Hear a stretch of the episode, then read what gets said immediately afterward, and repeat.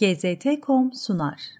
Merhabalar. Propagandanın ilk bölümünden beri söylediğimiz, hatta bu seriyi yapma sebebimizi oluşturan bir şey var. Savaşlar artık sadece cephede sürmüyor. Tarihte de sürmedi, bundan sonra da sürmeyecek. Tam da ne demek istediğimizi anlatmak için eski KGB ajanı olan Yuri Bezmanov'un itiraflarından yola çıkarak bir bölüm hazırlamış ve psikolojik savaşın ya da KGB diliyle aktif önlem olarak adlandırılan sürecin dört aşamasını sunmuştu. Bu aşamalardan ilkinin de demoralizasyon olduğunu belirtmiştik. Geçtiğimiz hafta tam da psikolojik savaşın bu adımını ifşa eden bir süreç yaşadık. Birliklerimizin Suriye'de uğradığı saldırı sonrası ortaya çıkan kısa süreli belirsizlik toplumu demoralize etmek isteyenler için bir fırsat olarak görüldü ve şehit sayısı üzerinden yürütülen bir yalan haber kampanyası ile karşı karşıya kaldık. Hemen ardından gelen ve Suriye'deki varlığımızı sorgulayan bir Suriye'de ne işimiz var kampanyası da aynı amaçta tabloyu tamamladı. Yaşadığımız bu süreç demoralizasyonun ne olduğunu daha detaylı işlemenin önemini ortaya çıkardı ve propagandanın bu bölümünü bu konu başlığına ayırdım. İyi seyirler.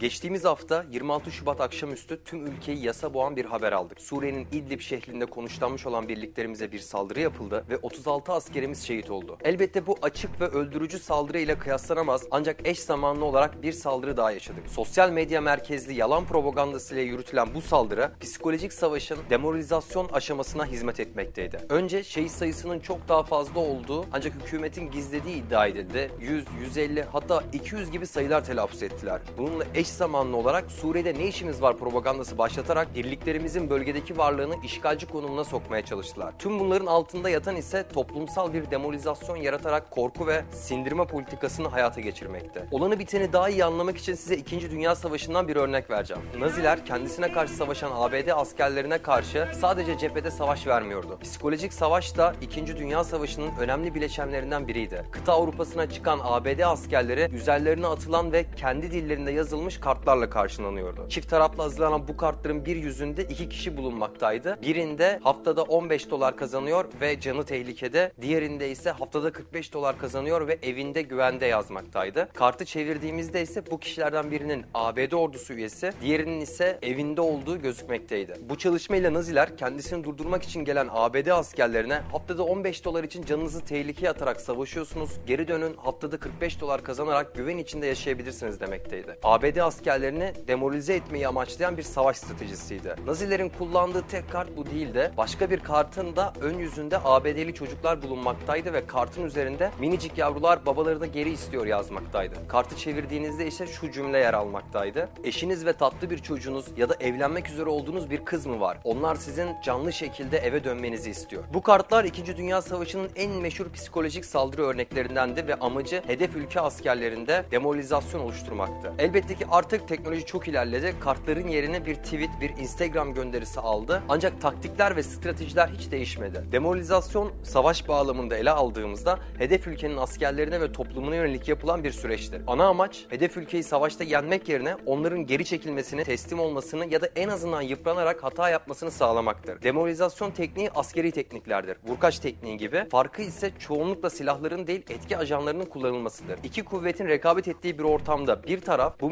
mücadelenin gerekliliğine veya başarı şansına inanmıyorsa psikolojik olarak mağlup edilmiştir. Kararlılığı ve dikkati zayıflamış, bu zayıflamada başarı şansını düşürmüştür. İşte demoralizasyonun amacı da tam olarak bu tutumları oluşturmaktır. Demorizasyon amaçlı kullanılan propaganda, söylentiler, hikayeler, resimler, raporlar ve diğer sosyal iletişim araçları gibi önemli sembollerle düşünceyi etkilemeyi ifade eder. Bu sürecin işleyişini bir süreç olarak incelemek istediğimizde Harold Leswell ismine çıkmaktayız. Leswell, Amerikan siyaset bilimci ve iletişim teorisyeni, aynı zamanda kitle iletişim terimini ilk kullanan isimdir. Dünya Savaşı'nda Propaganda Teknikleri adlı kitabında Leswell, askeri ve stratejik propagandayı tüm detaylarıyla işlemiştir. Demoralizasyon amaçlı yürütülen propagandayı da 3 adım altında sunmuştur. Bunlar şu şekildedir. Birinci adım, düşmana olan nefret odağını dağıtarak düşman imajını reddedilmesini sağla. İkinci adım, kendinden şüphe etme tohumları ek ve üçüncü adım, yeni nefret odağı oluştur. Yani Leswell'ın 3 adımına göre stratejik demoralizasyon kampanyası şu şekilde ilerlemekteydi. Önce hedef kişilerin düşman algısı bozulur. Türkiye'den örnek vermek gerekirse PKK ile çatışan güvenlik güçlerine sarayın ordusu sıfatıyla sunan bazı gazeteler vardı. Bu gazetelerin amacı özellikle siyaseten hükümete muhalif olan kitlerin kafasını karıştırmak ve PKK'ya yöneltilmesi gereken nefret odağını dağıtmaktı. Aynı şekilde Suriye'de hem terör örgütlerine hem de askerlerimizi hedef alan rejim kuvvetlerine karşı yürüttüğümüz operasyonu hükümetin oy savaşı diye sunanların amacı da benzer bir çabadır. Siyasi muhaliflikten faydalanarak düşman algısını bozmak. Stratejik demoralizasyonda hedef kişinin düşman algısı bozulduktan sonra ikinci adıma geçiliyor. Bu kişilere kendilerinden şüphe etme tohumları ekme. Düşman algısı bozulan kişiler bir süre sonra gerçek düşmanlarını karıştırmaya başlar. Bu an demoralizasyon süreci yürüten unsurlar için en önemli andır. Çünkü kişi artık yönlendirmeye tamamen açıktır ve son adım bu kişilerin düşman algısını kendileri için uygun hedefe yönlendirmektir. İşte içinden geçtiğimiz günlerde sıcak savaşın dışında karşı karşıya kaldığımız psikolojik savaşın demoralizasyon adımı bu. Tarihte kullanılan tekniklerin çok benzeri yeni iletişim araçları yardımıyla en modern haliyle uygulanmakta. Şimdi şehit sayımızı yeterli bulmayıp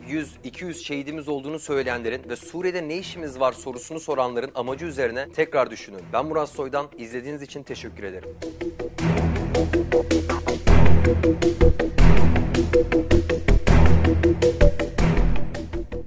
GZT.com sundu.